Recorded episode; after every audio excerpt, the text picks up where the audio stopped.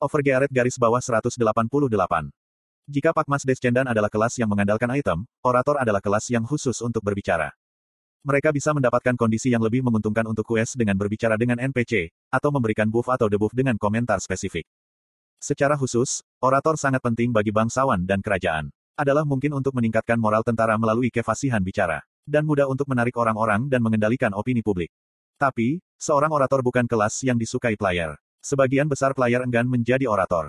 Jadi, mereka adalah kelas yang sangat langka. Masalahnya adalah sulit untuk menaikkan level mereka. Senjata yang bisa mereka pakai adalah buku. Mereka hanya memiliki satu skill serangan.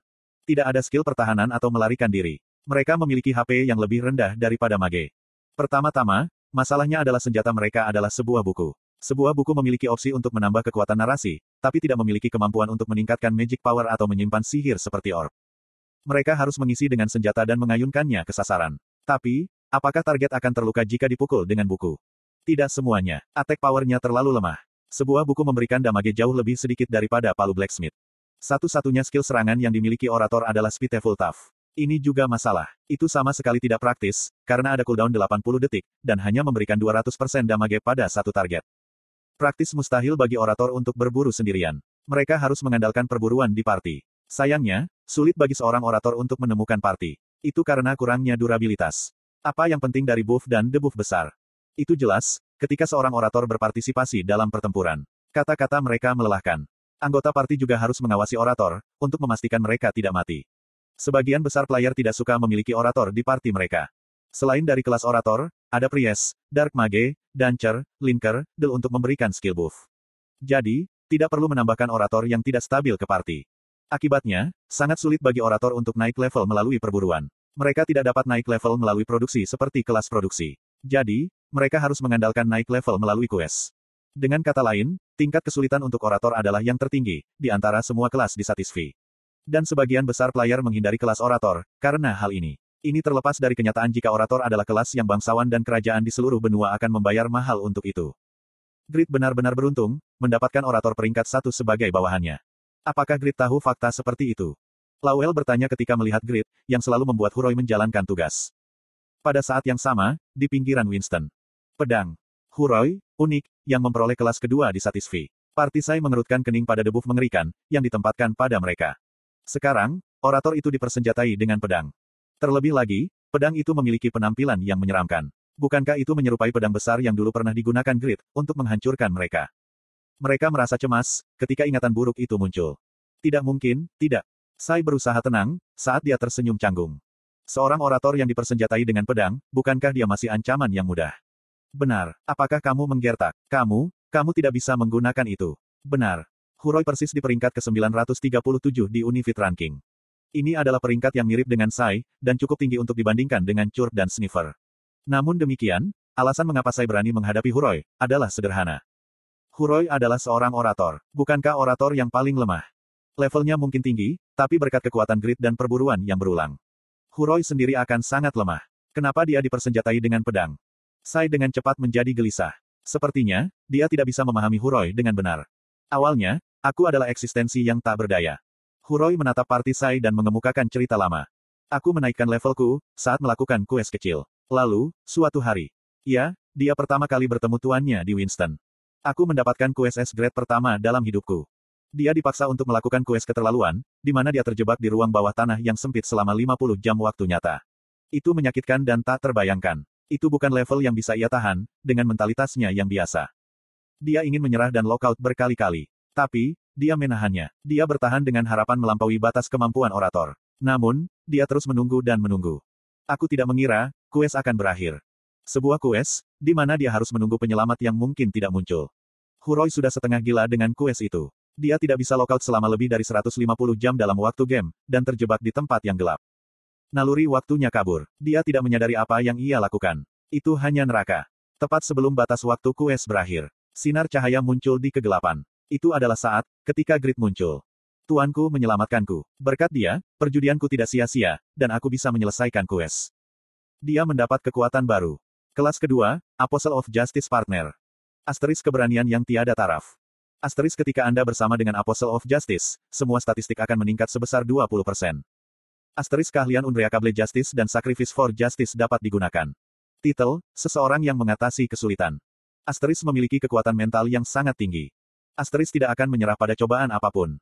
Asteris skill, keinginan kuat, dapat digunakan. Tuan telah memberiku kekuatan baru. Sekarang, dia kuat. Dia hanya ada untuk tuannya. Aku tidak akan membiarkan siapa pun menyakiti tuanku. Partisai sangat senang, dengan cerita Huroi. Ini adalah kisah yang menyentuh. Grit, pria ini. Hatiku berat. Ini benar-benar orator. Kisah Huroi membuat orang harus mendengarkannya. Oleh karena itu, Partisai tidak dapat berkonsentrasi selain pada cerita Huroi. Sepertinya, mereka adalah tokoh protagonis dalam cerita itu. Mereka senang, ketika Huroi sampai ke bagian ketika dia diselamatkan. Mereka tidak dapat untuk tidak memikirkan Grid sebagai sesuatu yang luar biasa, meskipun menjadi musuh mereka. Itu masalahnya. Anda menjadi terpesona oleh cerita yang menarik. Anda merasa seperti tokoh utama dalam cerita ini.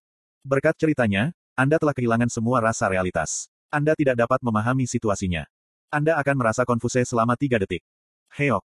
Awalnya, senjata orator adalah mulut mereka. Memberi orator kesempatan untuk menggunakan mulut mereka, tidak berbeda dengan bunuh diri.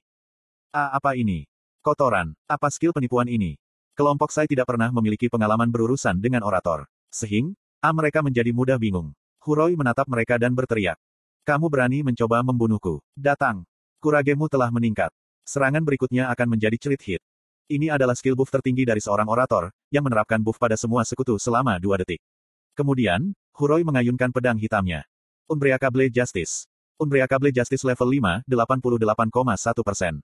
Menawarkan 650% dari attack powermu. Biaya mana? 500. Waktu cooldown, 100 detik. Unbreakable Justice adalah skill unik yang hanya bisa digunakan oleh Apostle of Justice dan partnernya. Itu menghasilkan damage di area yang luas dan waktu cooldown sangat singkat, dibandingkan dengan kekuatannya. Tapi, Grid hampir tidak pernah menggunakan Unbreakable Justice setelah mendapatkan Pakmas Swordsmanship. Dibandingkan dengan Pakmas Swordsmanship yang diberi peringkat legendari, Unbreakable Justice tidak memiliki kelebihan, kecuali jika itu adalah skill penggunaan langsung. Untuk Grid, itu lebih efisien mana untuk menggunakan Pakmas Swordsmanship daripada Unbreakable Justice. Tapi, Unbreakable Justice adalah skill utama Huroi. Dia tidak punya begitu banyak skill, sehingga dia sudah membangun kemampuan luar biasa dengan itu. Itu level 5. Sekarang, itu menangani damage area luas 650%. Selanjutnya, pedang hitam yang Huroi saat ini dipersenjatai dengan pedang satu tangan, produksi massal prototipe. Peringkat, unik. Daya tahan, 49 per 51. Attack power, 423. Attack speed, minus 7%. Accurate, minus 2%. Sebuah karya uji coba oleh Blacksmith Legendaris G. Pedang satu tangan yang dapat dengan mudah digunakan oleh siapa saja, dan dirancang untuk mengerahkan attack power yang tinggi. Ini adalah desain agresif yang dibuat dengan merujuk Slave reproduksi, dan telah berhasil memanifestasikan attack power yang hebat. Namun, ini menekankan kenyamanan. Sehingga, kesempurnaan secara keseluruhan buruk. Yang berarti, fungsi tambahan, seperti daya tahan lemah. Jika baja digunakan sebagai bahan utama daripada besi hitam, keterbatasan pekerjaan ini akan lebih menonjol dan akan diperlakukan sebagai barang yang bisa dikonsumsi. Pembatasan pengguna. Level 230 atau lebih tinggi. Strength 300. Beginner SWOT Mastery. Berat, 410.